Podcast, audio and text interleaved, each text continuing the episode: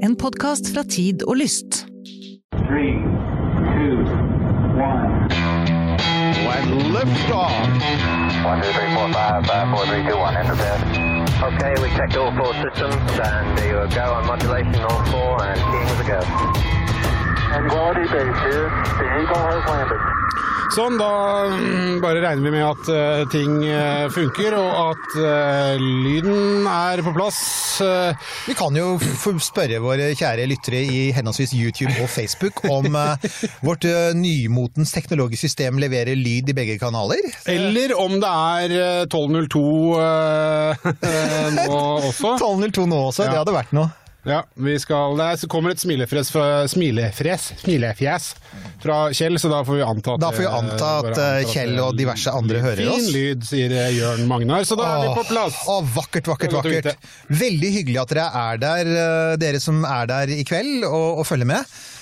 Så vi får vel Vil du ta introduksjonen? Ja. Ja. Eh, dette er jo en alvorstynget stund, selvfølgelig, så det skal vi be behandle med all mulig ærbødighet. Eh, for nå er det slik at hvis du er på jakt etter en ny karriere, så er det nå muligheter. Eh, endelig, får vi si. Dette har vi jo ventet på. Kanskje det er for sent for oss som sitter her i studio, av flere årsaker. Men eh, Marianne eh, Vinje Tantilio fra Norsk Romsenter, men også ESA. Så dette her er jo på en måte din utlysning, og er, det er derfor så nesten content marketing, altså fra, fra European Space Agency, er dette her. På sett og vis. Ja. Hvor mange brev forventer du å få inn? Du, eh, sist det var astronaututtak, så fikk de 8000 søkere. Ja, så det er et nåløye. Det var eh, fire til seks av dem som, eh, som gikk videre. Så ja, det er jo en liten, liten oppoverbakke der for å komme i mål. Ja, Så vi kan vel si det sånn da at eh, for all intents and purposes, det vi driver med her nå, er å Vi skal selvfølgelig ta imot spørsmål fra alle dere som, som ser på. Ja. svare på de. Enten de er personlig relevante fordi du tenker og sitter nå og flikker på en søknad som du skal eh, sende inn om, om 15 dager, eller om du bare har eh, spørsmål om eh, astronauti. Er det et ord? Astronauti? Det hørtes ut som en lidelse, spør du meg. Uff, så har du fått deg astronauti, du. I dag. Det veldig sakte. Altså, saken er vel her, hvis vi, kan bare kan, vi kan jo bare sparke i gang, og så kan vi se hva som dukker opp av spørsmål. Jeg regner med at du eh, holder et eh, ørneblikk, falkeblikk på det, Nils Johan? Jeg skal holde et eh, våkent øye i, Et våkent i chatten øye. Ja. Eh, og ja, for øvrig til seerne våre, dere kan jo se at vi har jo, eh, vi har jo dekket opp her. Vi har jo eh, bare lagt ut litt merch. For å fylle, for å fylle bildet med noe For å fylle bildet, for det er nå engang sånn det er å sitte i fullskjerm livestream. Det er til og med en sånn liten, liten romkapsel, siden vi er romkapsel, som er utstilt der. Og selvfølgelig litt sånn kryss i taket hvis noen gjetter hvilken romkapsel det er. Men uansett, Marianne, det er altså, hvor lenge er det siden Fortsatt sist? ikke lyd sånn. Ja, det, men vi er lyd i alle kanaler, sier noen andre her, så Ja. da får vi anta at problemet ligger hos Daniel og ikke hos uh, oss. Ja. Ja. ja. Nei, altså, Marianne. eh, Kjapp antakelse. eh, d- har du forresten klikket på eh, record? Nei, det skal jeg gjøre. Jeg skal, sånn at vi tar opp dette her. For dette vil vi jo da, fra nå av, så vil vi legge ut dette også som en, podkast Har du også klikket på record i, vårt fantastiske grensesnitt, så at vi får videoopptaket? Jeg må gjøre det òg, ja. Ja, jeg tror Det mulig det må det. Veldig mye greier jeg måtte gjøre. Det er veldig mye greier vi må gjøre her. Det er litt sånn, eh, men det er, så, så lenge ikke det er en eh, rapid uh, unscheduled disassembly, så går det greit. Se her, ja. Her, eh, jo, vi har Nei. Nei, det Skal vi se. Ja. Men uansett, Ja. det er altså ti år siden Eller hvor lenge er det siden sist? Er det ti år siden sist? Elleve. Er det elleve år siden sist? Og det første spørsmålet mitt da er jo da hvorfor har det, er det noen grunn til at det er så sjelden? Har ikke NASA oftere altså, Jo da, NASA oftere, men de har også flere bemanna ferder. Ja. Så det er jo så enkelt er så enkelt det, ja. at uh, ESA, den europeiske romorganisasjonen, vil jo at uh, astronautene skal få ferder. Mm. Og ved forrige opptak så hadde de på en måte ikke garantert for alle de tok opp, som var Mm. seks. seks. Um, men så har de jo siden, og så har det jo vært et oppsving. Nå har det jo skjedd så mye, ikke sant? og det skal skje veldig veldig mye. Så nå trenger de flere astronauter, rett og slett. Mm. Og da må de ut og lyse ut de stillingene og få inn noen nye. Rett og slett. Uh, og, og greia er jo da, altså uh, for å ta det sånn praktiske uh, Søknadsfristen den er, var det 31. mai? Ja, eh, 28. mai. 28. mai! Ok, det er viktig, ikke 31. Jeg trodde jeg hadde sett det, ja. Eh, 31. nå- mars. Åpner 31. mars av alle ugreie datoer, og stenger 28. mai. Ok. Og når du sier åpner, eh, er det vil si altså, Da kan du begynne å sende inn søknad. Ja, er det en sånn friformatssøknad, eller finnes det et nettsted du må fylle ut? Det finnes et eller? nettsted, det er karrieresidene til ESA, og de, da går du til esa.int, og så finner du veien dit derfra. Ja, Vi skal også da forsøke å legge ut lenke til det, for det pleier vi alltid å gjøre i, i shownotene som vi legger ut på romkapsel.no. Da skal du lage et motivasjonsbrev på engelsk, selvfølgelig. Okay, okay. Og så skal du legge inn en CV, og så må du ha med en flylegeattest. Men altså, motivasjonsbrev. Uh, ok, uh, interessant her nå. For nå uh, kommer det da altså et spørsmål her fra Jørn Magnar. Skal vi se om jeg kan gjøre sånn nå. Og så trykker jeg der, og så Der kommer det. det ut på skjermen. Helt strålende, fantastisk. Hvor skal ESA-astronauten reise? Eh, noen konkrete ferder som er planlagt? Et betimelig spørsmål! Det er jo et veldig betimelig spørsmål. Eh, Det er tre destinasjoner, som det heter så fint. Det er den internasjonale romstasjonen ISS. Dit skal man jo fortsette å reise for å forske på eh, primært sett hvordan eh, romreise påvirker menneskekroppen. Og på romteknologi, eh, sånn type teknologidemonstrasjoner og sånn, for å forberede reiser til månen og Mars osv. i framtida. Så det er jo romstasjonen ISS, sånn som det skjer allerede, ikke sant. Og så skal man jo nå begynne å bygge romstasjonen Gateway, som skal gå i bane rundt månen. Eh, og det er et samarbeidsprosjekt hvor, hvor ESA, den europeiske romorganisasjonen, og derav også Norge, er med. Eh, og der samarbeider man med NASA på disse Artemis-ferdene, som det heter, som er de som skal sette sammen denne romstasjonen, som da skal bygges over flere år, og som skal gå rundt, i, i bane rundt månen. Og den skal ikke bli veldig stor, men den skal nå gå der, og den skal brukes som en sånn landingsplattform, skal jeg til å si, hvor man kan sende landere ned og opp fra overflaten. Og det er jo da den tredje destinasjonen, og det er å sende astronauter til overflaten av månen. Så det du faktisk sier her, er at de som Altså at en av de som eller noen av de som søker nå, og da potensielt også en fra Norge, faktisk kan komme til å gå på månen en dag? Er det det du sier? Ja da, det er Wow, eh, altså- ESAs ambisjon at Ja. eh, i dette astronautkullet her så skal man, eh, skal man sannsynligvis finne den neste mannen og eller kvinnen fra Europa som skal gå på månen. Eller ikke neste, første. Første. Ja, det er akkurat det det blir. Det er litt sånn ja. Det er som NASA sier, den første kvinnen og den neste mannen. Man Ja. er den første mannen og den første kvinnen. ja, ikke sant? Nils Johan? Ja. det, er, altså, det, er jo, det, er, det kommer betimelige spørsmål. Ja. Eh, da trykker jeg der, sånn, så er det der. Hva er øvre aldersgrense for, for å søke til ESA? 50. Kutt ut, da! Nei da, fordi at man tenker at de skal Men det er ikke det bare Nei. politikk? Det, Nei da, det er fordi at man tenker seg at de skal kunne dra på én eller to ferder før de blir pensjonert, og så regner du deg tilbake derfra med liksom si fem års eh, grunnutdanning og uh, trening for den første ferden. Og hvis du er kjapp, ikke sant, så tre år til, to- to-tre år til, og så er det den andre ferden, og da rekker du å skvise du akkurat inn i ti år. At det skal være så veldig gjennomførbart er noe annet, men det er nå en gang der den øvre grensa går. Ja. det, men, men, men ok, da må vi jo bare si det at uh, umiddelbart, hvis du, hvis du går litt i deg sjæl, tenk på hvordan du er som person. Hvis du er litt utålmodig, så vet vi det at uh, alt som har med romfart å gjøre, er ikke for deg. Vi er, eh, vi er jo for tiden, som dere jo Dere som følger oss vet jo det at vi er for tiden inne i en perseverance-bølge i denne podkasten. Og det er jo et klassisk romfartsprosjekt i det med at de har holdt på i 10-15 år. og så ja. eh, Og det er jo også ESA-astronauter, er det ikke det, som har måttet vente ganske lenge før de kommer opp? Jo da, og det, det var jo typisk de her som kanskje ble tatt opp akkurat i den perioden hvor romferja ikke ble brukt lenger, ikke sant, og man ventet i alle evigheter på å finne en erstatning og, og um, gå via og gå via russerne som ikke sendte opp så mange Soyuzer hvert år og sånt. Så, så typisk eh, svenske Christer Fuglesang måtte vel vente var det 11 år? 11-12-13 år? Noe sånt nå? Jeg husker ikke, men det var i hvert fall veldig veldig lenge før han fikk fly, da. Men det, det har de henta seg inn fra. Nå, nå skjer det så mye, så de, de som ble tatt ut sist, de har vært oppe og fløyet én og to ganger, alle sammen.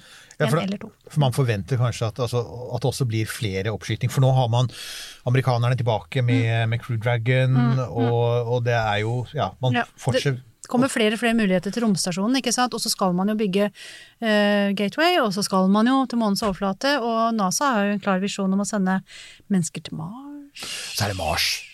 Nils Johan? Ja. Eh, det, er- det, er- jeg, bare en liten greie. Jeg tror at vinneren av eh, det programmet som gikk på TV 2, som heter Astronautene, tror aldri vedkommende får komme seg opp Altså- i verdensrommet. Eh, men, eh, men er det sånn, jeg, det er et spørsmål jeg har, er det sånn at Ok, vi vet det er et nåløye, og dette her er da ESA, ikke sant? Så det er da hele Europa som skal velge ut eh, fra du sier at det er 8000 som kom forrige gang. Hvor mange ble plukka ut? Seks fra hele Europa. Denne gangen skal det være fire til seks. Ok, fire til seks stykker. Så, men da sagt at uh, hvis du da kommer gjennom det nåløyet, er det da sånn at du er eh, teoretisk sett eh, garantert eh, en tur? Vanligvis, ja. Ok. Ja. Én, to eller tre. Hei. Ja, ja, men se her, det, det, det blir bedre, det blir mer attraktivt, og øvre grense er 50 år, ja, så da har jeg noen Jeg bare jogge litt. Så ønskes det karakterer à la Roald Amundsen? Spør Lars Henrik. Det er et godt spørsmål. Ja, nei, vet du hva, det er eh, De ser på så veldig mye i den her utplukkingsprosessen, og apropos tid, det skal jo ta De skal være ferdig høsten 2022, halvannet år, da. Ja. Så du må jo Det også vil ta tid um, å gå gjennom prosessen. Men, eh, men karakterer er ikke det eneste, ikke sant. Og de, de går litt bort fra dette her med at du må være pilot, eller, eller at du kan være pilot, eller eh, eh, hva er det du kan være dykker og sånne ting. De, de skal rett og slett ha et hovedfag i um, et naturvitenskapelig fag. Med greie karakterer, men du behøver ikke nødvendigvis være best i klassen så lenge du er god på alt det andre. Ikke sant? Um, du skal være god til å samarbeide med andre, ikke sant. Du skal være, du kommer kanskje tilbake til etterpå hvis du har noen flere spørsmål, men du skal, du skal klare deg godt i stressede situasjoner. Du skal like deg inn i en blikkboks uten å flikke ut. Ah, ok. Å, jeg liker sånne små, trange rom. Litt, litt sånne ting. Så det er, det er ganske, og og du skal, du skal kunne løpe av gårde og svømme og dykke uten å få hetta. og Liksom, det er en del sånne ting, sånne andre aspekter også, da, som, som teller inn. Men du, det er jo en ting som Og det, det, vi har jo snakket litt sammen om dette før. Du snakket om noe som heter det er parastronauter. Hva er det? For det syns jeg er litt det, det er, Unnskyld, pa. para. Er det riktig? Hva, hva, Mm, hva, Parastronaut, ja. parastronauter. Hva er det? Du må forklare det. For det, det, Ja. det er ikke det nytt? Det er helt nytt, Ja. Uh, og det, det er helt nytt i verden, skal jeg ta si. Ikke Ja. sant? At det er ikke nytt bare i Europa. Uh, Den europeiske romorganisasjonen ønsker å være et inklude, en inkluderende arbeidsplass, så de ønsker å åpne mulighetene nå for at mennesker med funksjonsnedsettelser også skal kunne søke. Så à la paraidrett, så, så er jo dette en parastronaut, ikke sant? Ah. Men fordi at det, det, er ikke, det er ikke per nå noen løsninger som ivaretar det, så har de satt i gang allerede nå et prosjekt for å se på hvordan kan man tilrettelegge for mennesker med funksjonelle nedsettelser for at de skal kunne jobbe på lik linje med andre i verdensrommet. Så det, det er i gang. Det er nylig igangsatt. Og så kjører de da ut denne, denne astronaututlysningen og sier det at det her skal det være like muligheter. Eh, Men de har valgt å da øremerke én eller noen stillinger til parastronauter. Men fordi at det er et ganske sterkt fokus fortsatt på um, pilotegenskaper, for å kalle det det, altså evnen til å bruke eh, deksteriteter, armer, hender, så er det da snakk om mennesker med nedsettelser på, den, på beina. Det Ok, ja. Altså, men det slår meg jo, altså, i og med at vi snakker om uh, vektløshet, da, Mm. så slår det meg at det er jo ikke nødvendigvis altså, det, Hvis man gjør det på riktig måte, så kan Mm. jo det faktisk vise seg nesten å være en fordel.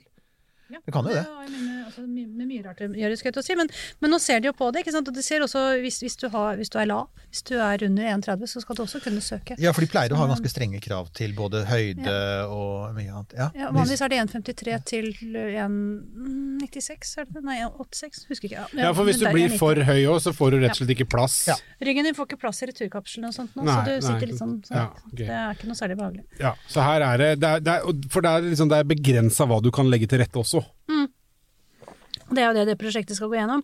Hva kan man legge til rette, hva kan man ikke legge til rette for at den, den eller de som blir valgt ut som paraastronauter skal kunne fly, og når de flyr, eh, for at de skal kunne jobbe på lik linje som de andre astronautene. For det er jo ikke, det er ikke noe ferietur, liksom. Det er jo alle som reiser opp som astronauter skal kunne jobbe på lik linje Ja, med hverandre. du, må, du må ta i. Mm. Bare, det, er, da er vi, det er liksom bare litt inne på spørsmål her fra Dagkvinna igjen. da. Er det bra pensjonsavtaler for astronauter, eller må de livnære seg av foredrag og podkaster?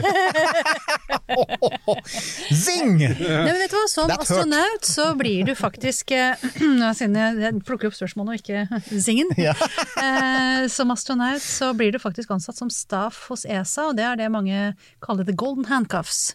Fordi at det er såpass greit betalt og med såpass gode rettigheter at det, det ja, det er en grei lønn, og det er en grei, greie pensjonsordninger, også ganske tidlig pensjonsalder. Som nordmenn så er det relativt sammenlignbart, men for hele resten av Europa så er det jo mye høyere enn det de ellers ville fått. Ikke sant. Altså, vi vet jo at uh, altså, Vi har jo hatt en astronaut i studio, Mark Massimino. Og han er jo, han er jo nå ute av NASA. Han, han uh, trakk seg. Uh, og han gjør jo akkurat det. Han deltar i podkaster og holder foredrag. Så det var, kanskje, det var kanskje det som ble henvist til. Men det er jo altså, for det er klart at når du jeg- altså, Nei, de trodde at du var astronaut, for du ja, sitter jo ja, med mye. astronaut... Ja, ha, ja, du har jo på astronaut... Folkens, vær, vær, hallo, vær, vær realistisk her nå. Men du ehm, Ja, nå glemte jeg det helt. Nei, det var et eller annet med uh, vår venn Vi bare kaller han Mike nå, for vi har blitt så kompiser. Ja, ja, ja. ja, ja. Eh, Nei, det var, det var, jo, det var rett og slett det der. Men, altså, altså, du er jo ikke altså, du, du kan jo kalle deg selv astronaut for livet, men du er jo ikke livstidsansatt. Ikke? Så du, når, når du har gjennomført ferdene dine, så kan du slutte, og så kan du ja, du får en helt vanlig sånn type statsansattjobb, da, men, Ja. men ESA er en organisasjon, og så kan du jobbe der så lenge du vil. Eh, og det typiske er jo at folk da enten blir der, men de får andre sånn enten sjefsstillinger eller rådgiverstillinger eller Mm. tekniske stillinger etter at de er ferdig med å fly, eller at de går ut og tar andre jobber. Altså, Mm. Christer Fuglesang er vel nå professor, tror jeg, på et eller annet universitet i, i Sverige, for eksempel. Så det er muligheter, ja. Ja. man klarer seg. Eh, skal vi se. Jo, eh, b -b -b nå skal jeg bare Jo, her. Eh, et, et øyeblikk. Da har vi svart på det. Eh, jo, det var det eh, Jørn lurte på om det var eh, romstasjon i bane rundt månen, på månen eller begge deler. Da var det vel litt sånn destinasjon, da, antageligvis. Ja. Ja, romstasjon i bane rundt månen som skal bygges, den skal hete Gateway. Og romstasjon, altså si forskningsstasjon da, på månens overflate som kommer til å bli bygget, blir nok påbegynt rundt 2029-2030, tenker jeg. I samarbeid med NASA. Det som jo er litt spennende, det er jo for så vidt relevant for dette her, det er jo at bare for noen dager siden så gjorde kinesiske myndigheter det klart. Og nå ristes det mye på hodet her fra, fra Marianne, for dette er man Dette er faktisk it's, it's a thing. Eh, De har nå sagt de skal bygge den en kjemperakett som heter Long March 9, som er på samme kapasitet som Saturn 5. SLS, Starship. altså og nå skal de gjøre det, og de er, de er blitt stadig tydeligere på at de skal de, de har ambisiøse planer for rommet, og så har de nettopp undertegnet en samarbeidsavtale med Russland. Og det er jo nesten litt sånn eh, altså litt sånn vinn-vinn, da, for at Russland har ikke så mye penger, men de har utrolig mye erfaring. Og Kina har ikke så mye erfaring, men de har utrolig mye penger og teknologi. Ja. Så det jeg tenker er jo sånn, det er jo så de som nå skal søke om å bli astronauter, kan faktisk risikere å havne midt oppi et romkappløp. Altså Det blir jo et fredelig kappløp, det må vi regne med, som det var sist. Men det, blir, det kan bli et romkappløp av dette. Ja, men det er jo mer sånn slags teknologikappløp, for det er jo Ja. ikke noe sånn våpenkappløp-ish, sånn som det Nei var da, sist. og vi har jo allerede vært på månen, så det handler jo ikke om å komme først. Men Nei. eh, ja. Og så er det også det at Den europeiske romorganisasjonen, til forskjell fra NASA, har samarbeidsavtale med Kina om å bruke, bytte på å bruke hverandres romstasjoner. Der kan du si sånn at um, Back the truck up, sier du. For at kineserne skal også sende opp en romstasjonsdel nå i mai. De, nå skal de bygge den, for det har de også planer om. De er veldig ambisiøse. Sier du at, at igjen at ESA-astronauter kan ende der? kan ende opp med å fly der, ja. Hvis folkens, alt går i orden og sånn. Ja, men ja, mm. Ja, folkens, da veit dere det. Altså sånn Huawei-romstasjonen, det kan være Kanskje ikke den, Men vi har jo til og med et norskledet eh, eksperiment som skal opp på den kinesiske romstasjonen. Kom igjen, du kan ikke Du har, du har sagt A, si B. Vi har, eh, vi har en forsker ved Universitetet i Oslo nå Ja. som, eh, som, har et som har et strålingseksperiment som, skal opp, som er valgt ut av UNOSA, United Office of eh, Outer Space Affairs, til å fly på den kinesiske romstasjonen i en utlysning de har hatt. da, ikke sant? Så dette blir i sånn typ 2025. Det er, det er, ja, det er, Ok, men det som også er interessant, da sier du at da er det jo mye av kinesisk romstasjon som er ferdig til 2025. Det Presumptivt, ja. Ja, ja. ja. Det men- tror jeg ikke er bruker så ofte presumptivt. Men da kommer vi også litt tilbake til det vi har snakket om. Eh, Vi, vi har brukt ganske mye Vi, vi sa det jo faktisk allerede for et år siden at, at altså dette tiåret Vi hadde en sånn egen sending om det. Dette tiåret ligger an til å bli utrolig spennende. Og jeg tenker sånn hvis det hadde vært for ti år siden, da, så vet vi at da lå det ti år foran oss uten romferja, uten amerikansk kapasitet i rommet, samarbeid med russerne men ganske begrenset kapasitet. Og nå er vi plutselig i en helt annen situasjon. er vi ikke Det Det ser ut som det har åpnet seg sånn Ja, du har de kommersielle, og vi skal behøver ikke å nevne navnet på han som bygger den digre raketten som smeller hele tiden, men, men i tillegg til det, NASA, Artemis, Hvorfor skal vi ikke nevne navnet på han?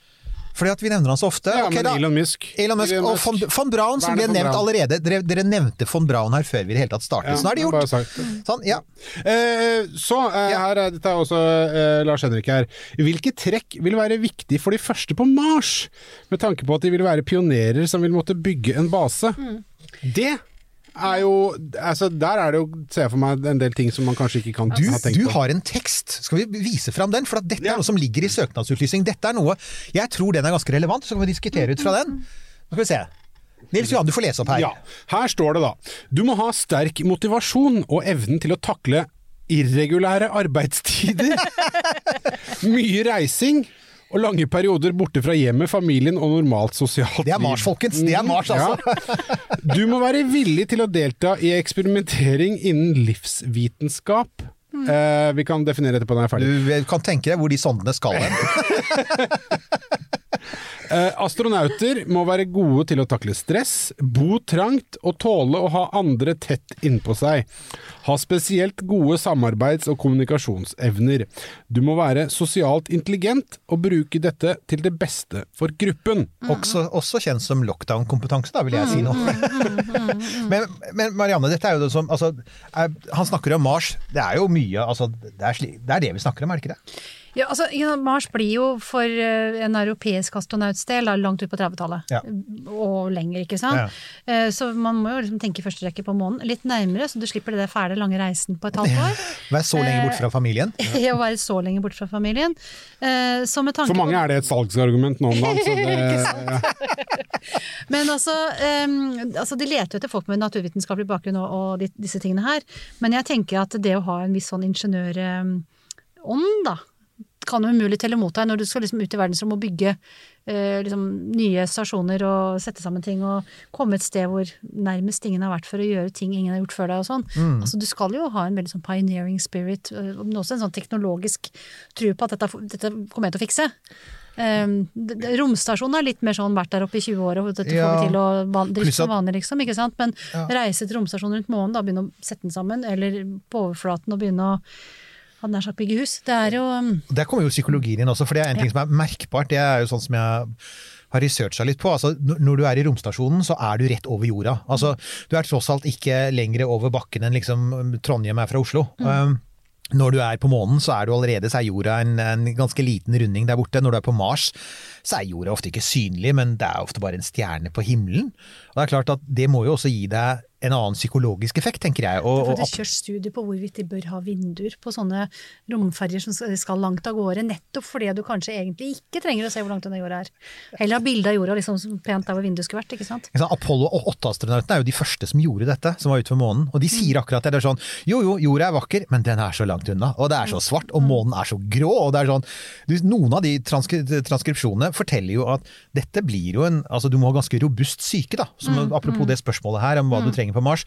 Og jeg tenker at du kanskje trenger en om mulig enda mer robust syke for å tåle så ekstremt lange opphold og så stor distanse. Ja, og så må du ha evnen til å science the shit out of things. Ja, til de grader. Og da kan vi nok en gang bare anbefale The Martian, selv om The Martian, som vi avslører i stadig nye episoder, har enkelte svakheter. Så Men les boka. boka er kjempefin. Boka er best, Men altså. eh, inne på det, det, jeg legger ut det nå, det, det var et spørsmål som kom Ja. inn for, eh, for noen minutter siden her. I en del filmer så er det en gjenganger som går igjen, og det er at det virker som at folk kan bli litt gale når man blir for lenge alene. Finnes det et program for framtidige astronauter eh, eh, blir isolert, hvor lenge et menneske kan være alene? Altså, og da er vi jo jeg vet, Man har gjort eh, eksperimenter eh, med sånn biospheres og folk som har vært stengt inne, men da har det jo vært en gruppe over lengre tid. Eh, men men sånn alene. aleine Isolation studies. Det- altså, alle de studiene som jeg vet om, er alltid at det er en liten gruppe, altså. Men, Mars eh, 500, Mars ikke sant? Eksempel, Ja, det er den mest kjente. Og og så er det jo sånne bedrest studies hvor folk ligger i en seng med huet ned og beina opp og leker vektløshet i månedsvis, men da også er de jo, ikke, de er jo aldri aleine. Det finnes, et, det finnes et, et berømt eksempel på det, nå har jeg dessverre glemt navnet på når jeg leste bok, eh, boka om ham for en stund siden, og det var, var på 30-tallet. Det var en amerikaner som var i Antarktis, og som var alene i en base så nær po- polpunktet som du kunne komme, og han var alene i måned etter måned etter måned. Og han ble dårlig, altså. Han ble ekstremt dårlig.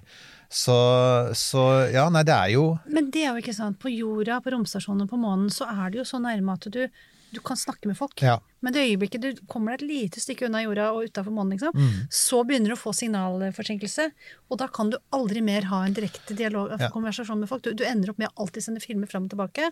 På det punktet burde de visst litt liksom, hva skjer med mennesket når du når du ikke har noen, ikke sant. Men du vil jo aldri være aleine. I Mars, I Mars 500, som det var jo det der hvor de Var det i Moskva, var det ikke det? Mm. Hvor de plasserte en gjeng med, med astronauter, Mm. liksom-astronauter, i noen trange rør i 500 dager, var det vel, Mm. for å simulere en Marsferd. Og der hadde de tidsforsinkelsen. Så at alt tok minst 20 minutter. Ikke sant? Du, det var sånn Hei, hei! Det var- 20 minutter. Jeg hørte en podkast også, det var et eh, amerikansk eksperiment som de gjorde ute i ørkenen, hvor de satte opp en sånn eh, eh, hvor de måtte gå gjennom sluser, og hvor og også tida var Ja, Biosphere, var det? Jeg, jeg husker ikke hva det het eh, var for noe. Men det jeg vet, da eh, Jeg har hatt en sånn kort, liten karriere innenfor fengselsvesenet, hvor jeg da var Jeg hadde nøkler. Så eh, jeg var ikke på gæ- gæren side. men og det vet man jo fra andre ting, altså det er sånn amnesty og, og isolasjon i, i varetektsfengsling og, og sånne type ting. Det er jo ikke noe bra som skjer Nei. med folk som er aleine over for, for lang tid, så det kan vi jo bare slå fast. Det, det, det, det blir ikke så bra. men her får du jorda. arbeidsoppgaver nesten Ja. hele tiden. Så Ja. enten skal de trene, eller så skal de jobbe, eller så skal de sove. Og liksom, de, de, de velger jo ikke bruke så mye tid på å slappe av, nettopp fordi at det å ligge Ja. der og gnu er ikke det mest produktive. Men der er du inne på noe veldig viktig med astronautjobben, som vi kanskje bør nevne her. Og det er selvfølgelig at når du får det oppdraget ditt, så er det ikke sånn altså Du har litt tid til å slappe av, men, men du er en ekstremt kostbar arbeidstaker. Mm. Det koster bokstavelig talt millioner å ha deg der oppe. Og, og du kan ikke kaste bort noe tid. sånn at det, Jeg vet jo at det har vært et sånn Tidligere har jo astronauter klaget over det, at det har vært så tett program at ikke de har fått pusterom engang. Mm. sant? Det er liksom bare gått i et. Men det er jo en grunn til det, og det er selvfølgelig at man flyr opp dit på skattebetalernes penger, og det koster millioner. Og, og, og det er masse å gjøre, og det er alltid masse forskere som står i kø. For, jeg, for det er en sånn type jobb. ikke sant? Altså Hvis du skal til romstasjonen, så vil du En type jobb du vil ha da, vil f.eks. være å bestyre eksperimenter. ikke sant? Er ikke det en typisk astronautjobb? Bedrive eksperimenter og teknologidemonstrasjon. Bruke utstyr, teste at ting funker, ta blodprøver av deg sjøl, urinprøver og sånne ting. Gjøre questionnaires, eh, spørreskjema. Ja.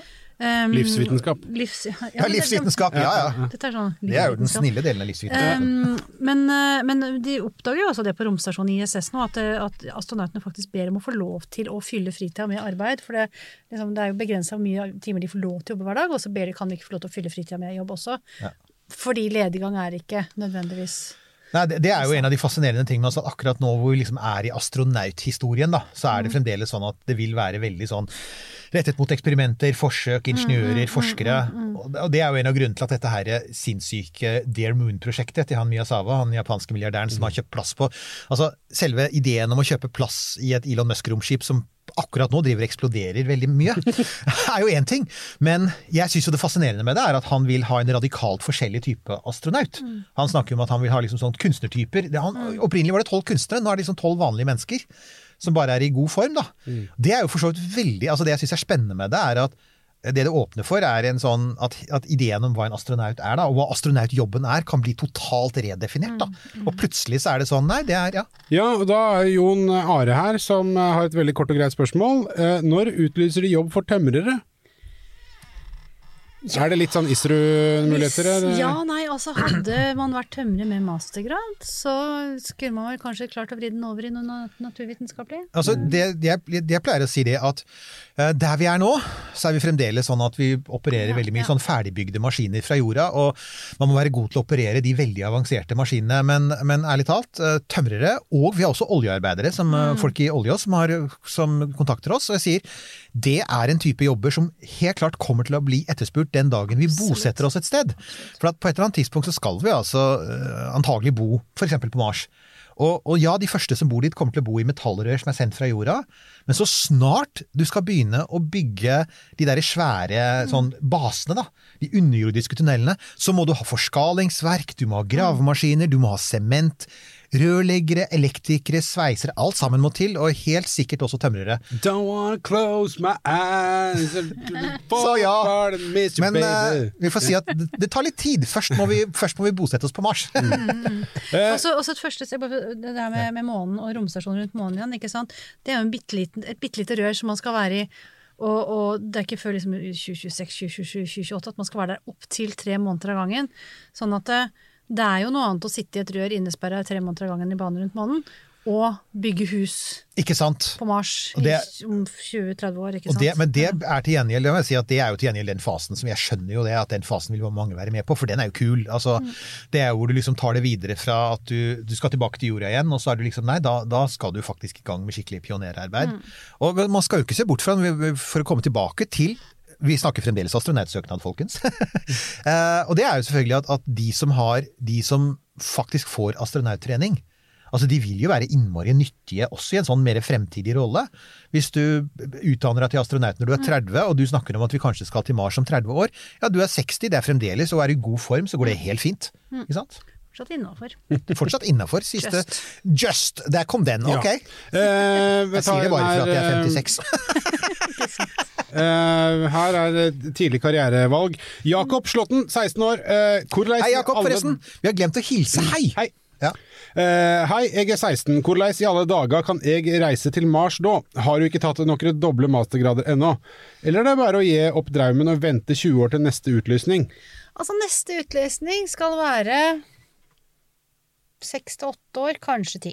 Så er du 16, og så legger du på Gjør deg ferdig med skolen, en studie og tre års erfaring, så er du der akkurat i tide til neste utlysning. Og får jeg bare si en ting, eh, Jakob. Altså, jeg er, jeg er 56, og det, det, det er, du, du, har, du har masse tid. Det er, du, du er ung og ambisiøs, og du har masse tid, så du, du, dette kan du bare glede deg til. Du får bare smøre deg litt med tålmodighet. Det kommer mange nye sjanser. Og så må man jo ikke bli Det er ikke bare astronaut som gjør at du kan jobbe med rom. Den europeiske romorganisasjonen skal lyse ut 100 stillinger Ja. hvert år. Ikke sant? Framover, for det er et generasjonsskifte på gang, og det skal de holde på med i ganske mange år framover. Og norsk romindustri skriker også etter kompetente mennesker. Så sikter du i den retningen der, så, så skal det alltid finnes jobber. Og hvis ikke, så er en type kompetanse som er eh, som du trenger i rom, er også gyldig. eh, Det, det, det, da kan du få jobb som hva som helst. Altså det man, jeg så noen sånne økonomiske beregninger som tyder på at romindustrien kan Det var faktisk eh, det lille rakettselskapet Rocket Labs, de som skyter opp småsatellitter, de uh, sa at de sitter på prognoser som sier at romindustrien kan firedoble seg i størrelse fram til 2030. Og da kan du tenke selv, Jakob, hvor mye jobb det kan bli.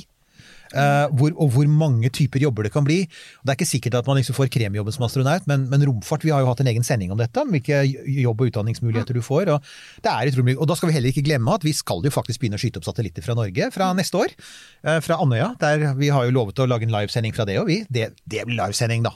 Det, det må jeg si.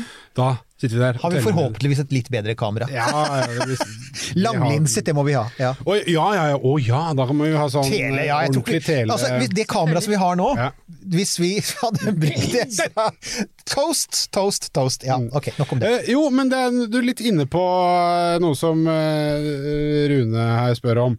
Hei, hører mye om NASA sitt evinnelige budsjettjag. Hvordan vedtas ESA sitt budsjett og prosjekter? Ja, for det er smiger på bånn der som gjør at eh, takk eh, for et superbra program og ikke minst gjest. eh, Så nå, nå, nå, nå Sånn, nå er det nemlig Du kan ikke la være å svare nå. Nei, siden jeg er formann i det styret pengene kommer fra, så kan jeg det litt for godt. Så det skal, jeg skal ta kortsvaret og ikke det lange. Eh, hvert tredje år så bestemmer ESAs medlemsland hvor mye penger de putter på bordet for den neste treårsperioden for de forskjellige programmene.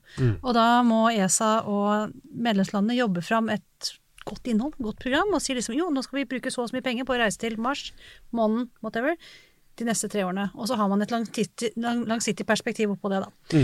Så, så sånn er det. Og så eh, de forskjellige medlemslandene har forskjellige grunner til å putte penger inn. Vi putter pengene våre inn, og så får norsk industri den tilbake som oppdrag. Og eh, derfor gjør vi det. Altså for å få industrioppdrag. Og innovasjon. Skape arbeidsplasser, osv. Mm. Mens eh, NASA får penger fra Kongressen. De får penger fra Kongressen og, og NASA Og noe utleie av noen gamle oppskytingsbaser. Ja, litt sånn, men ja, de får jo det. Og, og NASA, altså, NASAs pengejag er jo også veldig mye mer sånn politisk preget. Det er fryktelig avhengig av om du er demokrat og republikaner, og ikke minst hvilken delstat du bor i, og hva den delstaten får og sånn. Så det er jo, det er jo fascinerende. Så det er, det er alltid ganske fascinerende å følge forskjellen på folk som skriver om europeisk rompolitikk og amerikansk. De snakker på veldig forskjellige måter, for å si det sånn. Yes. Eh, jo, eh, skal vi se, jeg skal bare gjøre en liten ting her. Sånn, og, Ja. og så eh, skal vi se her. Um, her har vi en eh, som jeg tenkte Hvor ble det av den nå? Eh, jo, her. For nå er vi litt sånn tilbake, brått, eh, ikke så brått for jeg røra litt, men en liten sånn eh, grei eh, temaskifte her. Eh, Finnes det kjente eksempler på astronauter som har strevd med å takle romferden sin? Ja, altså det finnes for eksempel uh, altså, for, for å si det sånn, Vi er jo blitt flinkere til å forberede astronauter på det nå, men i, i gamle dager, i tidlige faser av, av romfarten, da var det mange eksempler på astronauter som, som faktisk ble dårlige. og Det, det er fascinerende forskjell. På 60-tallet så har sovjeterne en rekke skildringer av, av kosmonauter som blir syke. En av dem ble så romsyk, jeg husker ikke navnet hans nå, men han ble så romsyk at de var redd for at de måtte avbryte ferden. fordi at han ble så dårlig at de var redde for at han ikke ville kunne klare å, å, å kontrollere romskipet.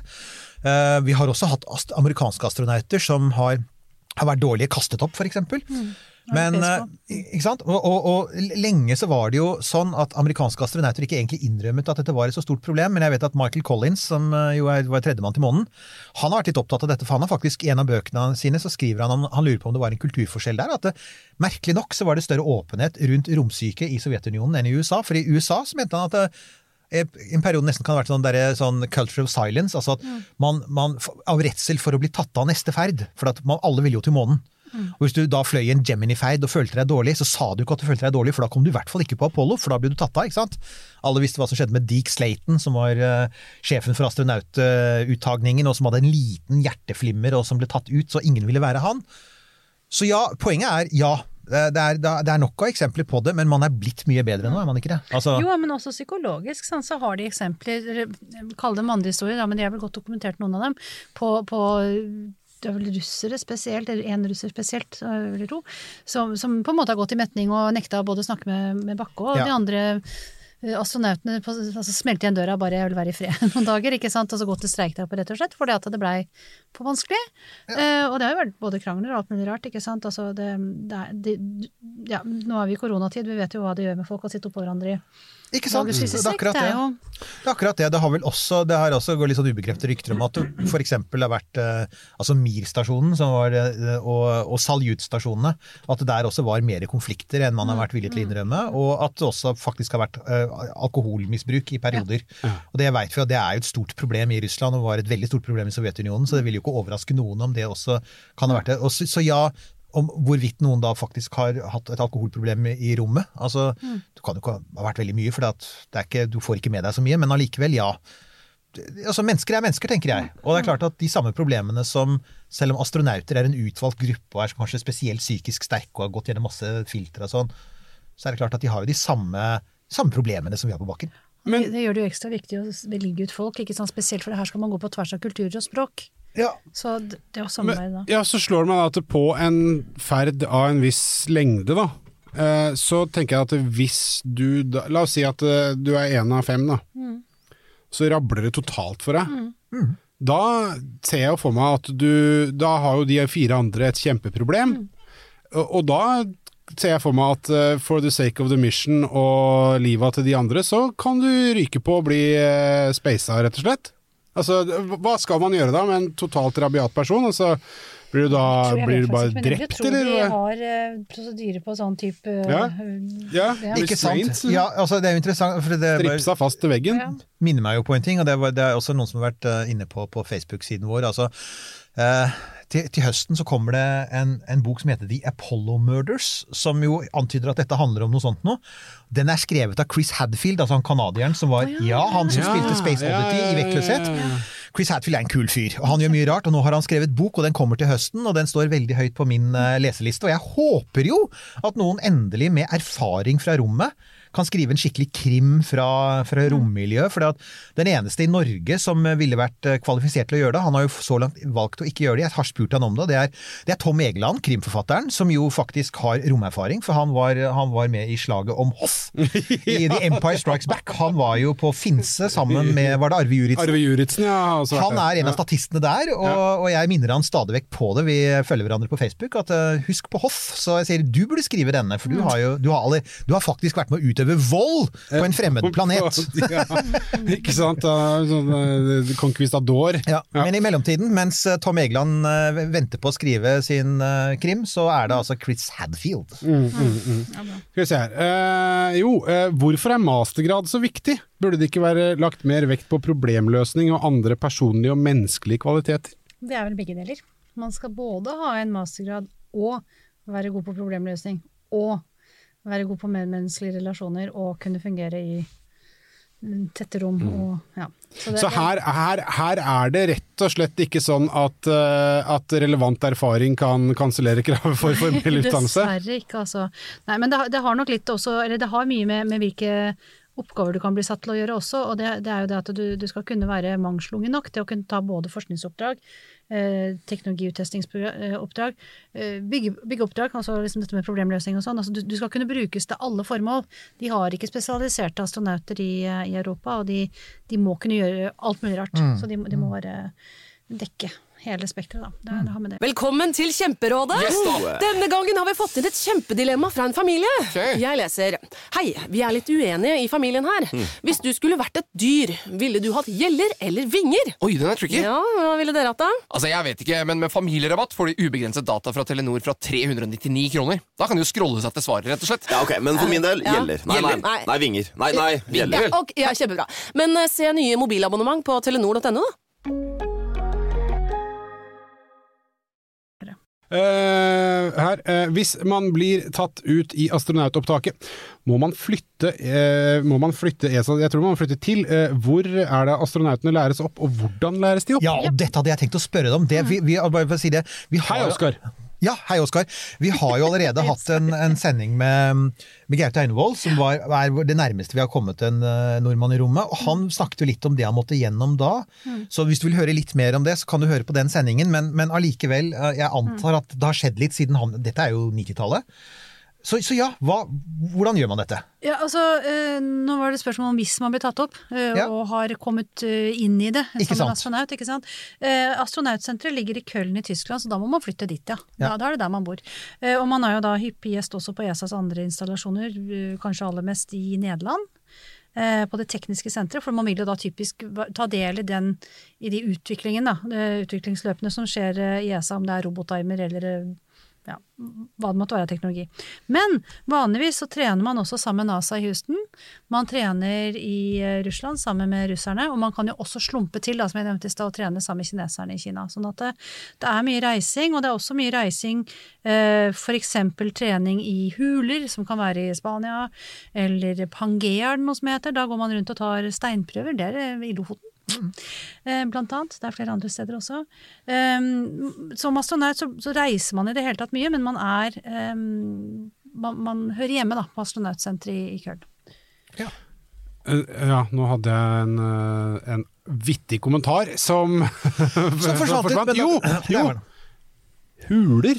Ja, nemlig! Unnskyld, men det, det er, nå ikke datt jeg ut litt her. kult? Jo, det er Hva er det du skal inn i huler? Nei, Altså? vi trener da på å liksom være i ukjente strøk, av den her sagt, og bevege seg rundt der, eh, der man ikke helt klarer Så hvis å det er noe seg, som driver med er det her spelunking, er det ikke det det heter? Når du er sånn huleutforsker? Speleolog tror jeg faktisk det heter når du er eh, hule... Jeg tror det er det det heter. Er Kommentarfelt hvis dere vet noe om det, så bare si fra. Men uansett, det, er, det overrasker meg ikke egentlig, for at huler har jo mye av det du har når du går innover i en hule og du kjenner Klausen ta deg, som noen av oss gjør, så, så veit du at da snur du, og hvis ikke så, så har du antagelig noen egenskaper som kan være gode. Pluss, må jeg bare si det, det finnes noen utrolig kule huler på månen. Som ESA nå har lyst ut midler til for å undersøke med sonder. Det skal, det skal antagelig bygges sonder for å utforske månehuler, og så finnes det spennende huler på Mars. Så om du er et hulemenneske, der uh, søk. 31. Nei, 28. mai. Sorry. 28. mai.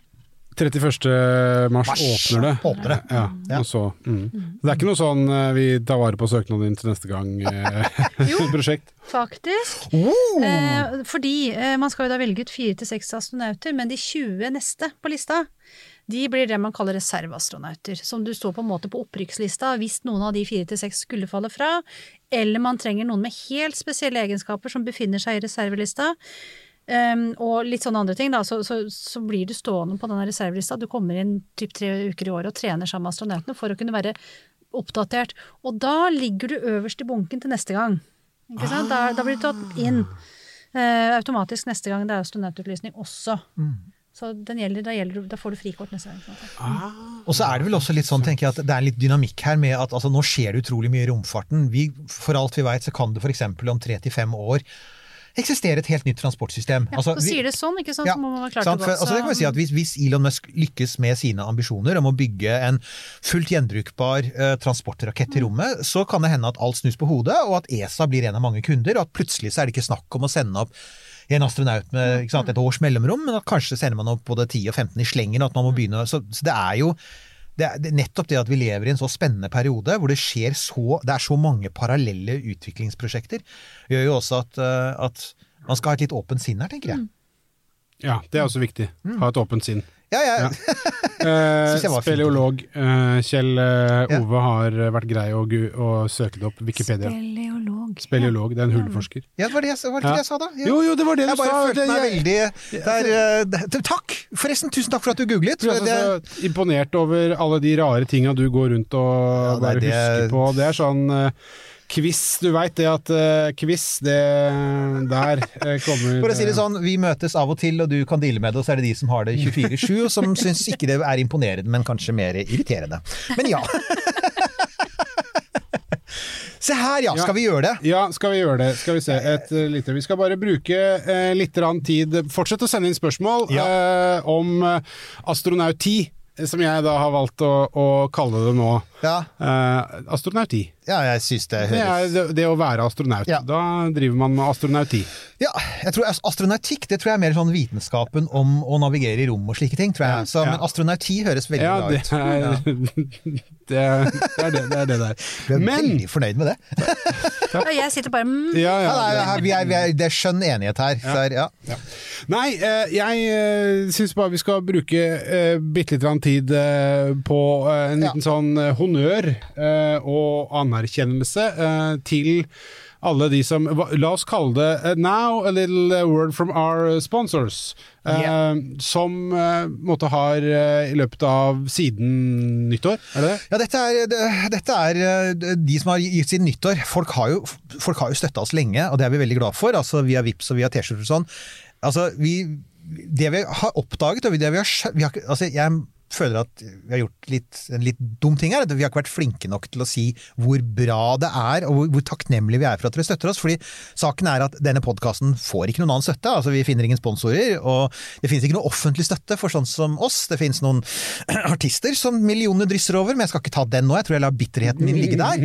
Men, men, men det er ikke oss, så det er faktisk dere som, som holder oss med Ja, altså ja, Olje til din motorsykkel og mat til min katt og litt sånn, ikke sant? Altså, og, og vi trenger å gi dere det ungdommen kaller en shout-out, men føler vi oss komfortable med det, Nils Johan? Nei, jeg gjør ikke det. Vi vil takke for, eh, Vi takke. for støtten, Takke slik for at eh, vi kan eh, kjøpe programvare som lar oss unngå 1202-feil eh, på, på streaminger osv. Og for, for de da som hører på, vil du lese gjennom? Skriften er for liten for mine øyne. Så, ja, ja, ja, så du må gjøre det. Eh, eh, herved takkes altså følgende personer. Anders, Anne, Arne Du har, du har tatt i alfabetisk Hallo, rekkefølge? nerd!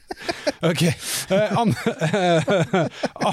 eh, Anders, Anne, Arne, Bjørnar, Bård, Christian, Dan Henrik, eh, Ferenc, Ferenc, eh, Frode, Harald, Heidi, Håvard, Ivar, Jørgen, Jan Robert, Johan, Johannes, Jon, Carl Martin, Kenneth, Kim, Kjell Ove, Lars, Lars Christian, Lise, Magnus, Mari, Mariann, Mats, Mai, Morten, Nils Anders, Nina, Odd Magne, Pål, Runar, Sindre Therese, eh, eh, Sindre, Therese, Thomas, Torvald, Tobias.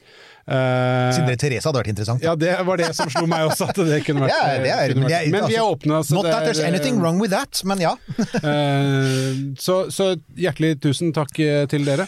Veldig tusen takk, og, og, og, og fortsett å støtte oss. Altså. Det er kjempefint. Det er, eh, vi, har jo, vi har jo begynt å livestrømme oftere. Vi har litt ambisiøse planer om å ikke bare få til flere livestrømmer, men også bedre livestrømmer, og liksom øke kvaliteten på ting. Og så skal vi på et eller annet tidspunkt til Andøya og dekke en oppskyting. Så ja, alt dette her trenger vi deres velvilje og støtte til. Så hvis dere sitter ved en telefon nå, så er det bare å sende VIPs til romkapsel, altså, så blir vi superhappy. Og så får dere da en et, et, en hyllest, en takk. Eh, en fremtidig sending, det har vi også tenkt å begynne med. Vi må bare rett og slett huske på å takke dere som har støtta oss så lenge. Vi skal bli flinkere på å være takknemlige. Ja, det skal vi være. Det er, det to godt voksne menn trenger akkurat den selvinnsikten der, tenker Ja, jeg. Ja, da tilbake til Har det dukket opp noen spørsmål underveis? Takk for takken, har katta fått mat fra Anne. Ja, Noen vil si at den katten har fått for mye mat, men det er nå så.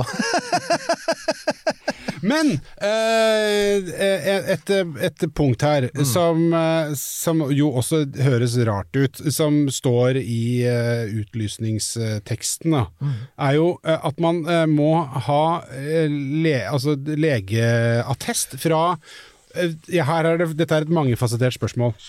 Man må ha legeattest fra en flylege. Eh, okay. da, først, hva er en flylege? Jeg ser jo for meg En lege som er ekspert på flymedisin. Ja, for at, altså, Hvis du hadde vært Nei, australier, det så hadde du vært flying doctor. Ikke sant? Nei, det, en som er ekspert på flymedisin, det er en, det er en tekniker som sk- Ingeniør som skru, Reparerer. En reparerer. flylege er en lege som eh, befatter seg med hvordan kroppen eh, tåler å fly. Ja, og det er ikke alle fastleger som er. Nei, det er det ikke. Så da må man rett og slett gå til luftfarts... Jeg har jukser opp, så jeg skal si det helt riktig. Ja. Ja. Man må på Luftfartstilsynets nettsider, og der finner man uh, flyleger. Og man finner Flymedisinsk senter, som er her i Oslo. Uh, og Da kan man gå til de, og så kan man få et slikt uh, sertifikat. De vet hva det er dere skal ha, hvis dere spør om det som står på engelsk, men det er da en, et klasse to sertifikat, som er det samme som dere trenger for å få privatflyver-sertifikat, da. Ok, Altså men man- Ok, men man trenger ikke flylappen, liksom. Nei, nei, nei. nei, nei. Bare det- dette er medisinsk, to legeerklæringer. Legeerklæring, ja. Eh, og det, det, men det høres jo veldig skummelt ut. Betyr det liksom sånn at du er Altså, du må være sånn Du har så så bra syn, så så bra Du har ikke noe feil av denne typen, ikke sant? Og kroppen din er frisk og Det er jo interessant det du sier om liksom- synet, for det er jo altså vår Det må ikke være perfekt, du kan bruke briller eller linser, Nei, oh, men det skal være bra nok. Nemlig. For at vår venn Mike Massimino, han, eh, han, var det det, han, skriver, han sk- han skrev en veldig bra bok om hvordan det var å bli amerikansk astronaut, og gudskjelov så høres det ut som ESA har en annen politikk enn NASA, for de var veldig opptatt av at du skulle ha perfekt syn, og det hadde ikke han. Og han brukte jo flere år på å trene opp øynene sine og, og, og prøve ulike teknikker for å få det perfekte synet.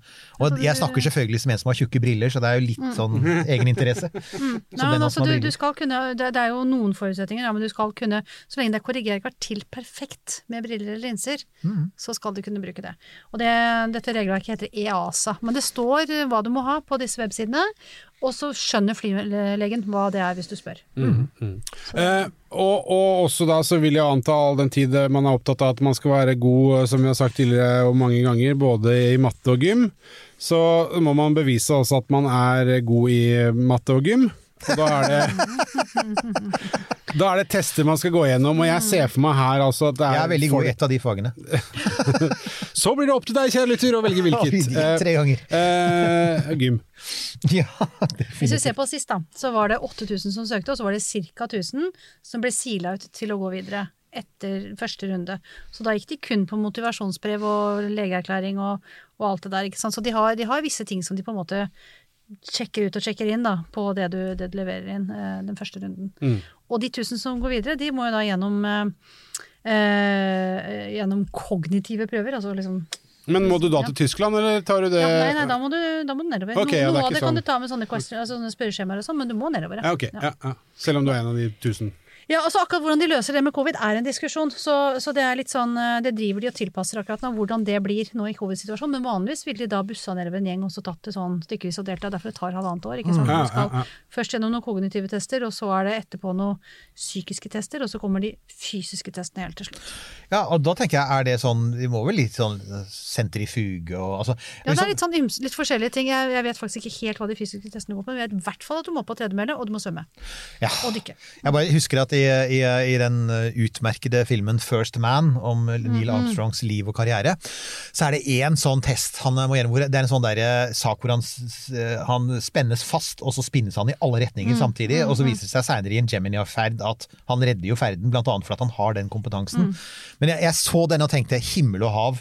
Altså, ni, av ti ville bli så svimle at de bare hadde besvimt av den, den spinninga. Så. Men um, ja. Og så har de sånne, du har masse forskjellige prøver altså, men jeg, som jeg vet om, altså, som er sånn fingerferdighetsgreier og gjøre ting på en gang samtidig som du tenker å bli stressa og sånne Mm. ting. Men akkurat om de tar den, det vet jeg faktisk ikke. Det, det, Nei, ikke sant? Jeg, jeg lurer på om de har den fremdeles. For det, det er klart at, at et romskip spinner så totalt ut av kontroll, er jo eh, et spørsmål. Dessuten en annen ting. I våre dager så vil man jo i en helt annen grad stole på automatikk. Ja, for det er jo en ting. Altså, det, at det har jo vært en, et stort skifte også i amerikansk romfart der, og det med, med Crew Dragon skal vi ikke glemme. Romferja var et pilotstyrt romfly. Du måtte ha piloter. Crew Dragon kan, den, den er som en Tesla på autopilot. Altså, det vil si den er bedre enn en Tesla på autopilot, for den kan virkelig fly hele ferden på egen hånd. Og dokke. Og dokke. Og, og, og den, kommer, den behøver ikke å ta hensyn til eh, syklister og, og barn i veien, så derfor så, så kan faktisk den autopiloten fungere. Så, så du behøver ikke lenger altså Nei, eh, du, i og med at du må ha den masteren, da, så er det faktisk mange flyvere som ikke har det, selv om de er utdanna flyvere. Så de Ja. kan ikke søke. Det er jo Nei. ulempen denne gangen, ikke sant? Endelig, endelig. Ja, ikke sant? Ja. Eh, Det er en liten eh, hyllest til Marianne som er på skjermen her nå. Da syns jeg det. Eh, hva, jeg, Oh, ja, du ser ikke, selv om det er den kjempesvære skjermen Altså, der borte. fordi at jeg har på meg, le- jeg har meg lesebrillene, jeg, jeg vet jo det. Jeg er jo. Eh, Men vet du hva du kan gjøre? Du kan lese for de av oss som, ikke, som sitter og hører dette på hva det heter en podkast, er det? Podcast Podcast, det det som er kjernevirksomheten vår. Det er kjernevirksomheten vår. Ja, ja. Så hvis du kan ta den, altså. Ja, ja, da, da sa jeg det. Eh, dyktig og inspirerende gjest i dag. Godt valg, gutter. Eh, hilsen Unni Einarsen Vi er så enig, Unni. Det er derfor vi stadig vekk inviterer Marianne. Vi har jo, du, du var jo vår første gjest. Jeg var faktisk ja. Det Hun har vært med fra starten av, og vi vil jo bare fortsette å invitere henne, for hun har alltid noe spennende å fortelle, og dessuten så har hun makt.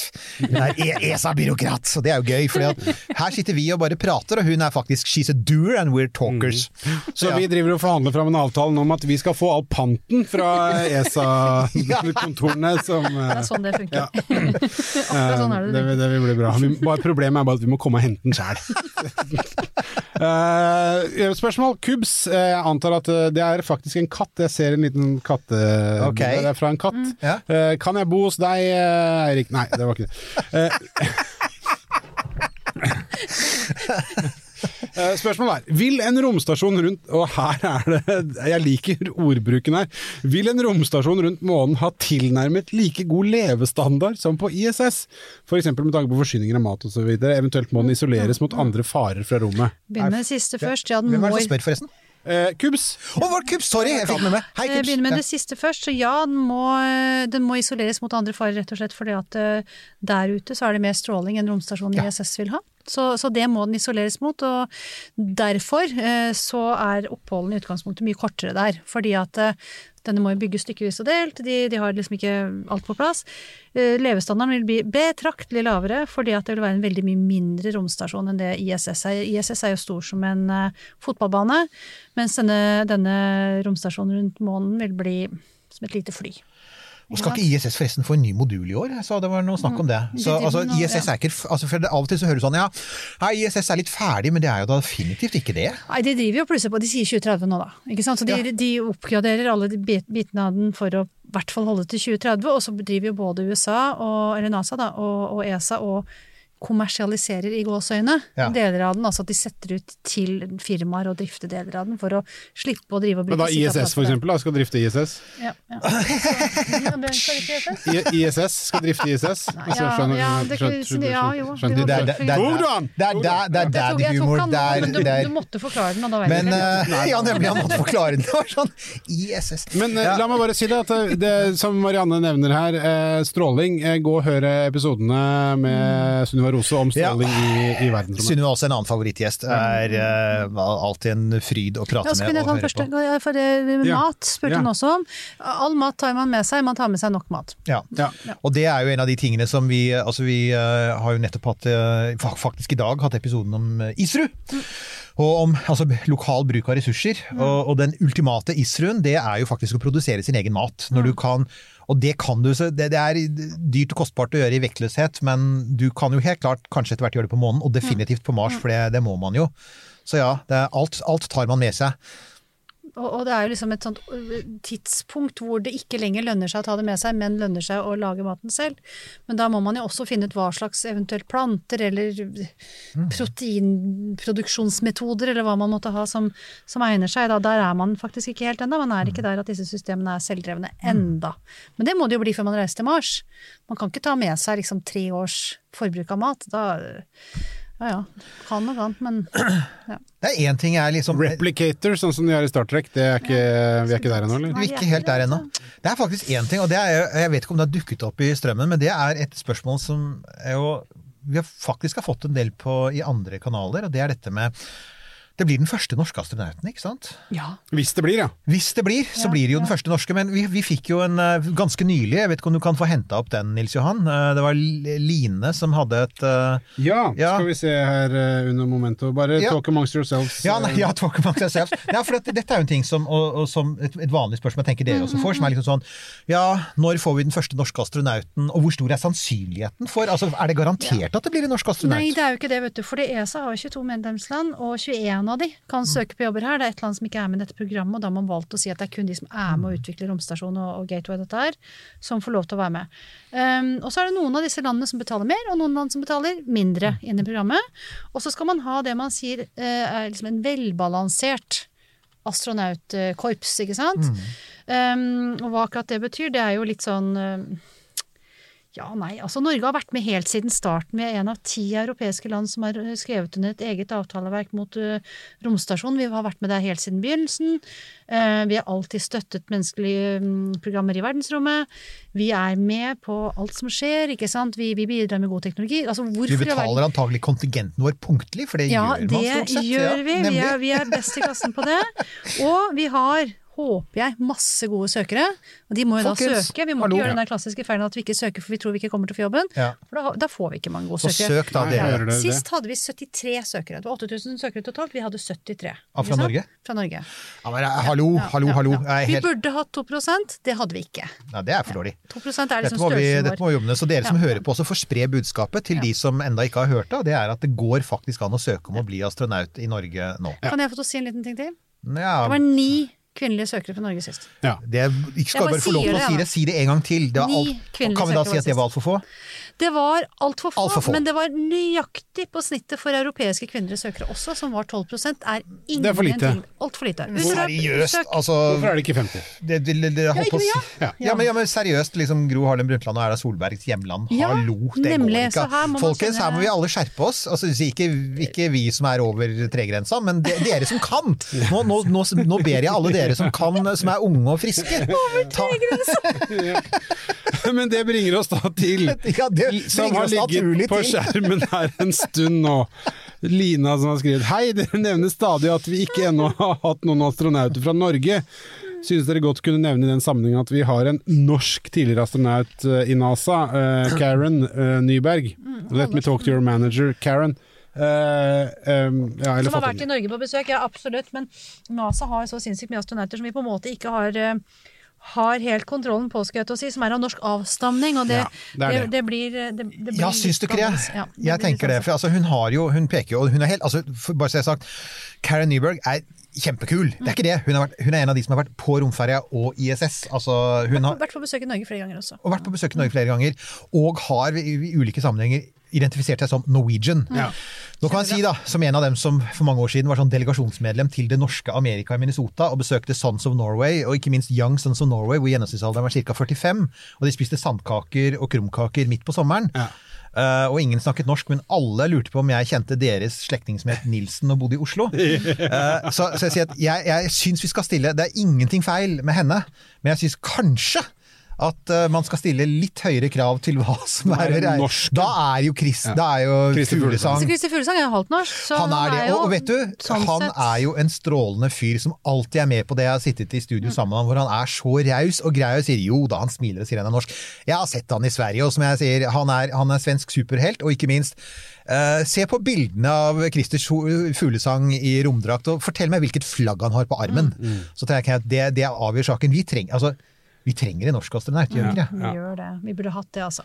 I det minste hatt med oss en blå tusj og tagga litt på flagget til han eh, Mogensen. Ja! ja for det er Andreas for det er den Andreas. andre. Altså Danmark har også hatt sin. Andreas Mogensen. Han er mye mindre kjent. eh, Og jeg var, jeg, jeg var på foredrag med han. Jeg så at han skulle holde foredrag i København for noen år siden. Og jeg gikk for å høre på, og jeg, jeg var liksom litt overrasket hvor få det var. For jeg har som sagt sett rockestjernerollen til Christer Fuglesang i Sverige. Så, men, eh, men det jeg tenker er jo altså, Ja, det er jo selvfølgelig hadde vært kult om en av dere som er der ute, hadde søkt og fått jobben. Det hadde vært kjempekult, men jeg tenker også at det hadde vært veldig bra for Norge. For det er ikke noe tvil om at å ha en astronaut ville løfte hele romfeltet, ville det ikke det? Altså, Jo, absolutt. Altså synligheten også, ikke minst. Det her med å vise frem hva vi kan i Norge, og, synliggjøre det.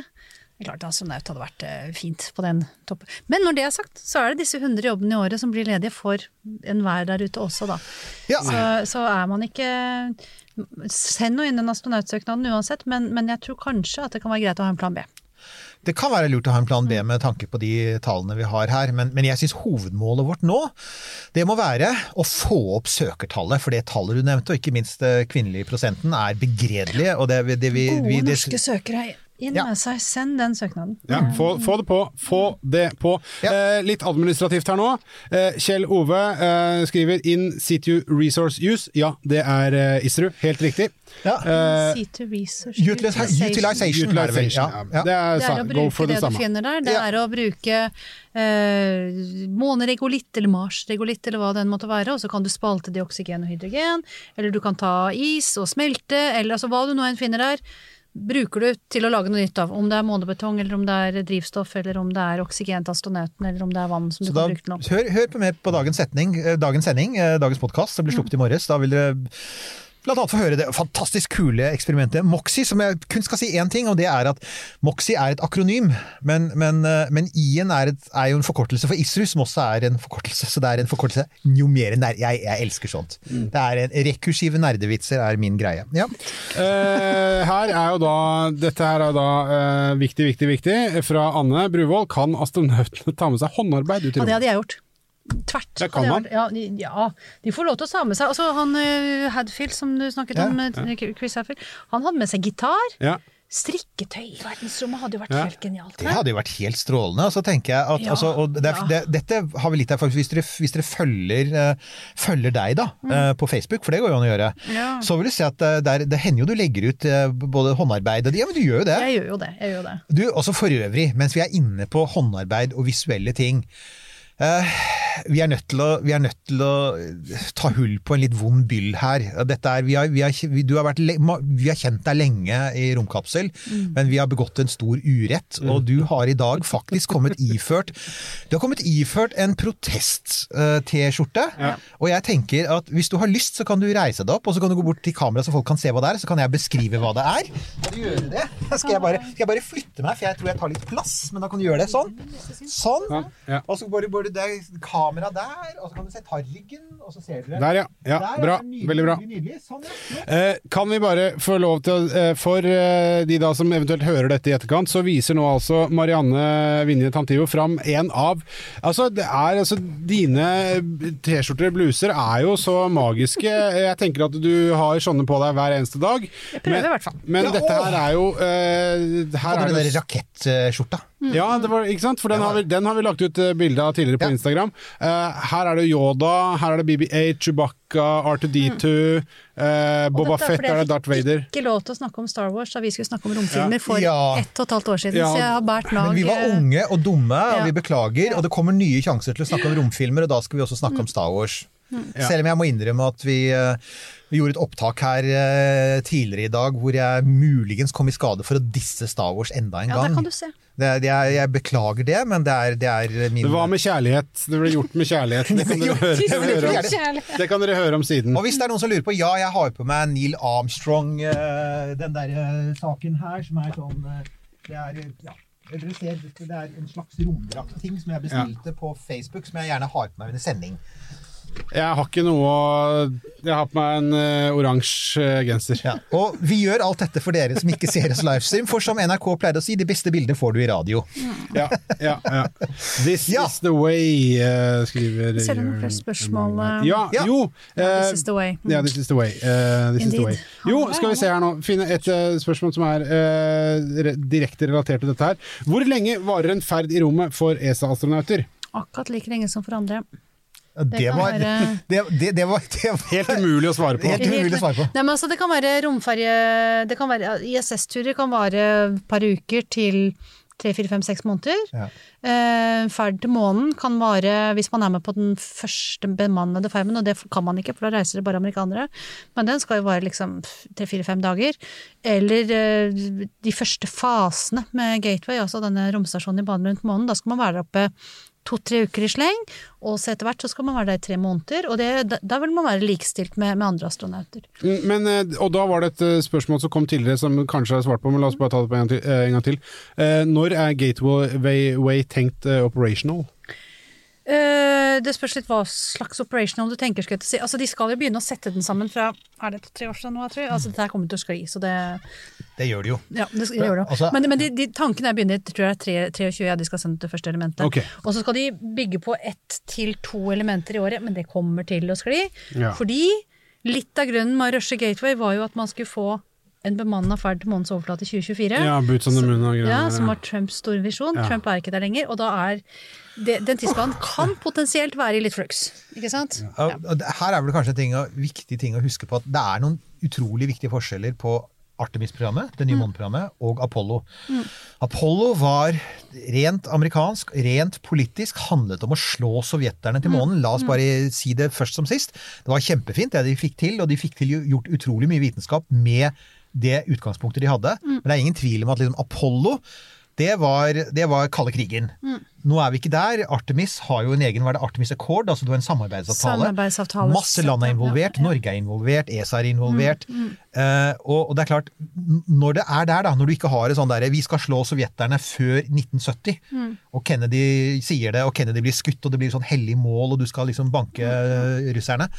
Dette er noe helt annet. som du sier. Dette er mye mer sammensatt. Det er, det er masse oppskytinger, er det ikke det? Det er titalls oppskytinger med forskjellige oppskytinger. firmaer og land. Ja, Og, og noen av dem er bemanna, noen av dem er ikke det, ikke sant. Og så skal du ha astronauter dit, og så skal det gjøres noe automatisk. Og så det, får liksom bare skje på rekke og rad og i, sin, Ja. eh, i sitt tempo, på en måte. Og så er det da oppunder 2030, så tenker de at da skal de begynne å jobbe med forskningsstasjon på, månen. Og så skal de liksom på tidlig 2030-tall, sent 2020-tall, begynne å øve seg på å gjøre ting som de etterpå skal kunne gjøre på Mars. Det er derfor, mye derfor. De skal jo både forske på månen, men, men Artemis da, går ut på å også bruke månen til å på en måte teste seg gjennom alt, mens man er så nære at man kan ta halen mellom beina og reise hjem.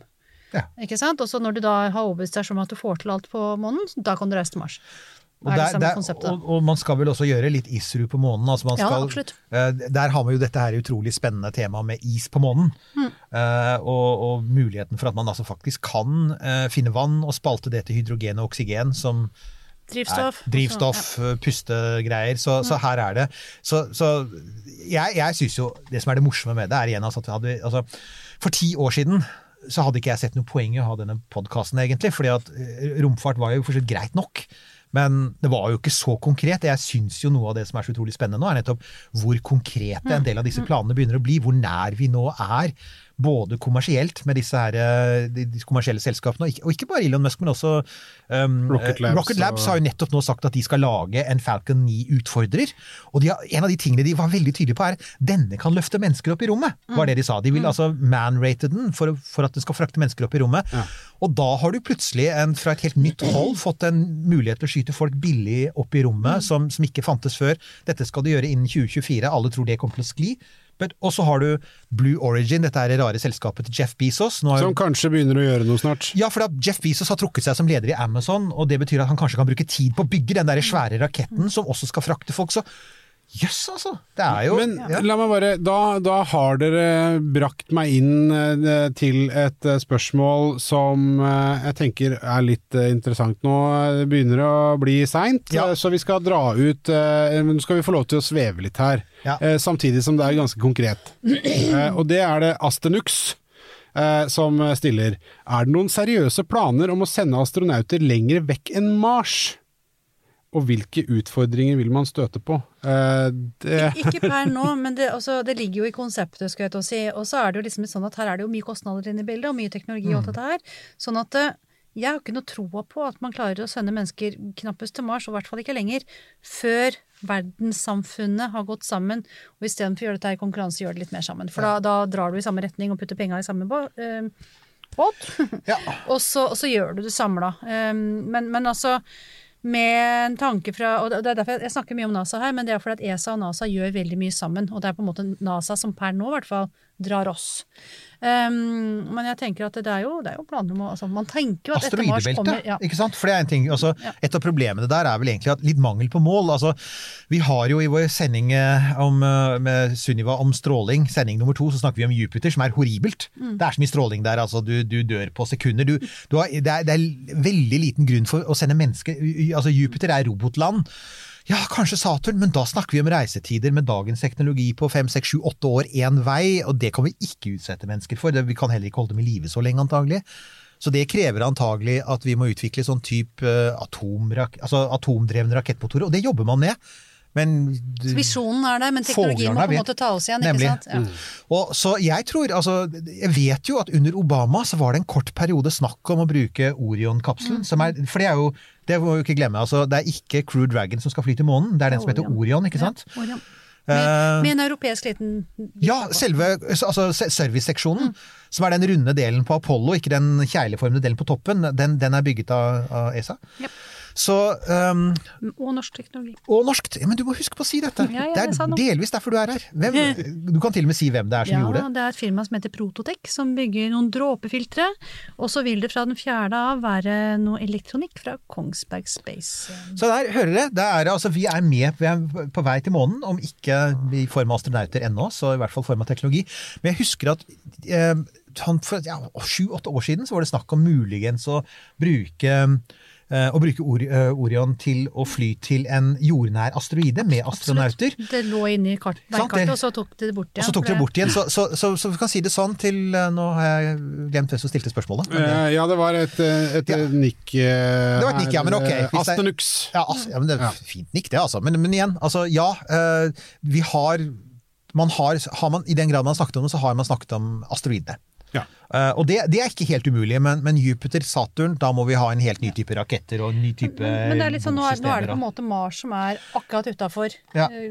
grab, akkurat utafor rekkevidde, og så, og så strekker vi oss dit, og så er vi et steg lenger på teknologien, så tar vi det derfra, tenker jeg. Mm, this is the way. Eh, for å på en måte begynne å tenke på å runde Ja. av her nå. eh, Eirik eh, spør hva slags utdanningsbakgrunn Marianne har, og da foreslår jeg, eh, Eirik, at du går og hører på denne episoden som heter Karrieremuligheter innen space industry.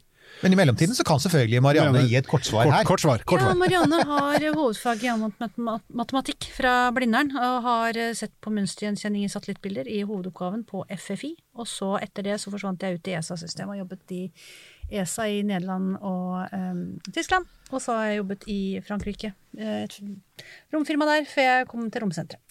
Ja. Og, men uh, hør fortsatt eh, på å høre Ja, ja, ja, for da får du alle detaljer, og der får du også vite hvordan dette er relevant for deg og ditt liv.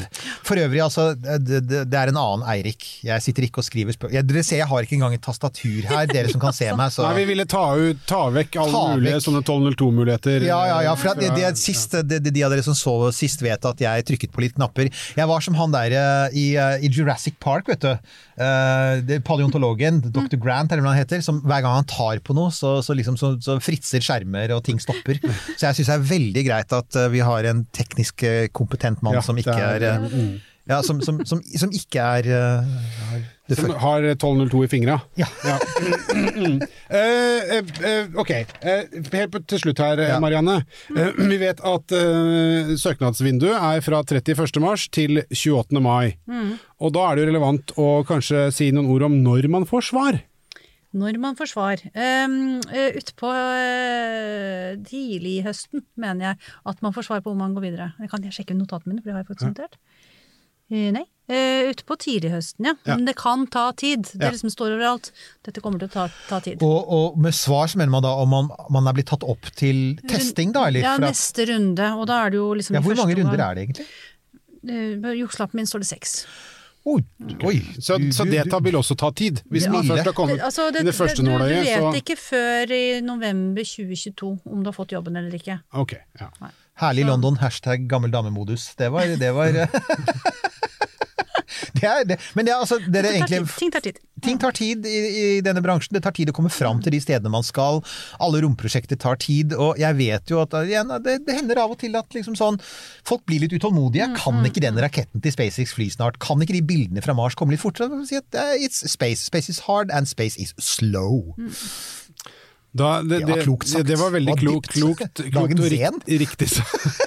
Men, men jeg kan jo få lov til å si en liten ting til. Det kan hvis, du. det er Si noen, vei. hvis det er noen som lurer på noe om astronaututtaket, og ikke har fått svar nå, brant inne med noe, så finner dere meg på Romsenterets webside, romsenter.no. Ja. Ja. Jeg heter Marianne. Det er to Marianner. Jeg heter Marianne Vinje Tantillo. Begge kan egentlig for så vidt svaret, så velg en Marianne, eh, og send en mail, eller ta en telefon. Ikke sant. Og, og det, det, som dere hører, dere vil bli helt klart bli tatt på alvor.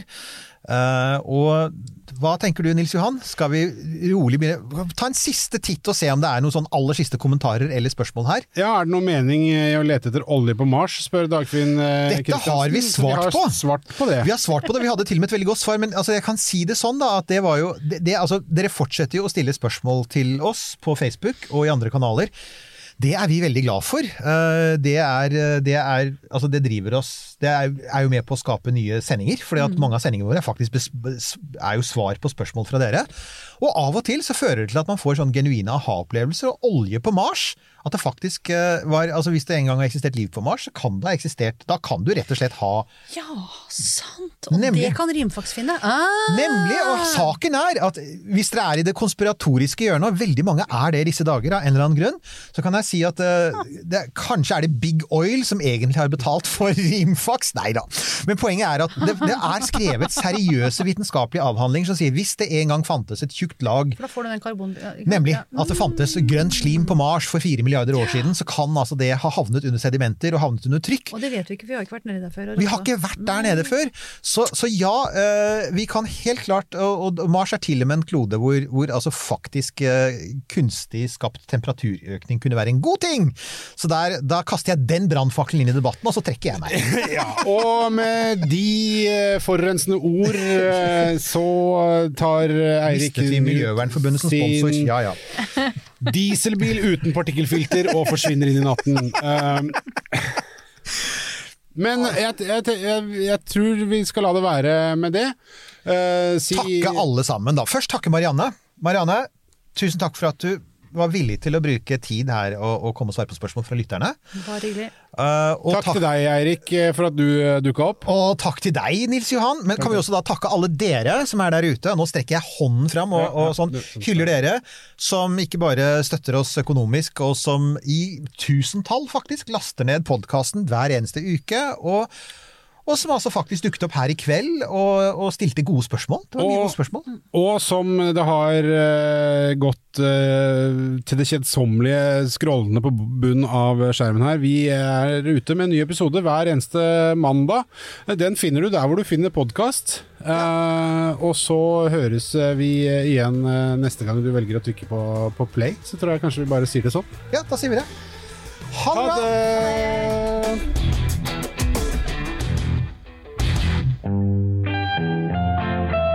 Podkasten er produsert av Tid og Lyst.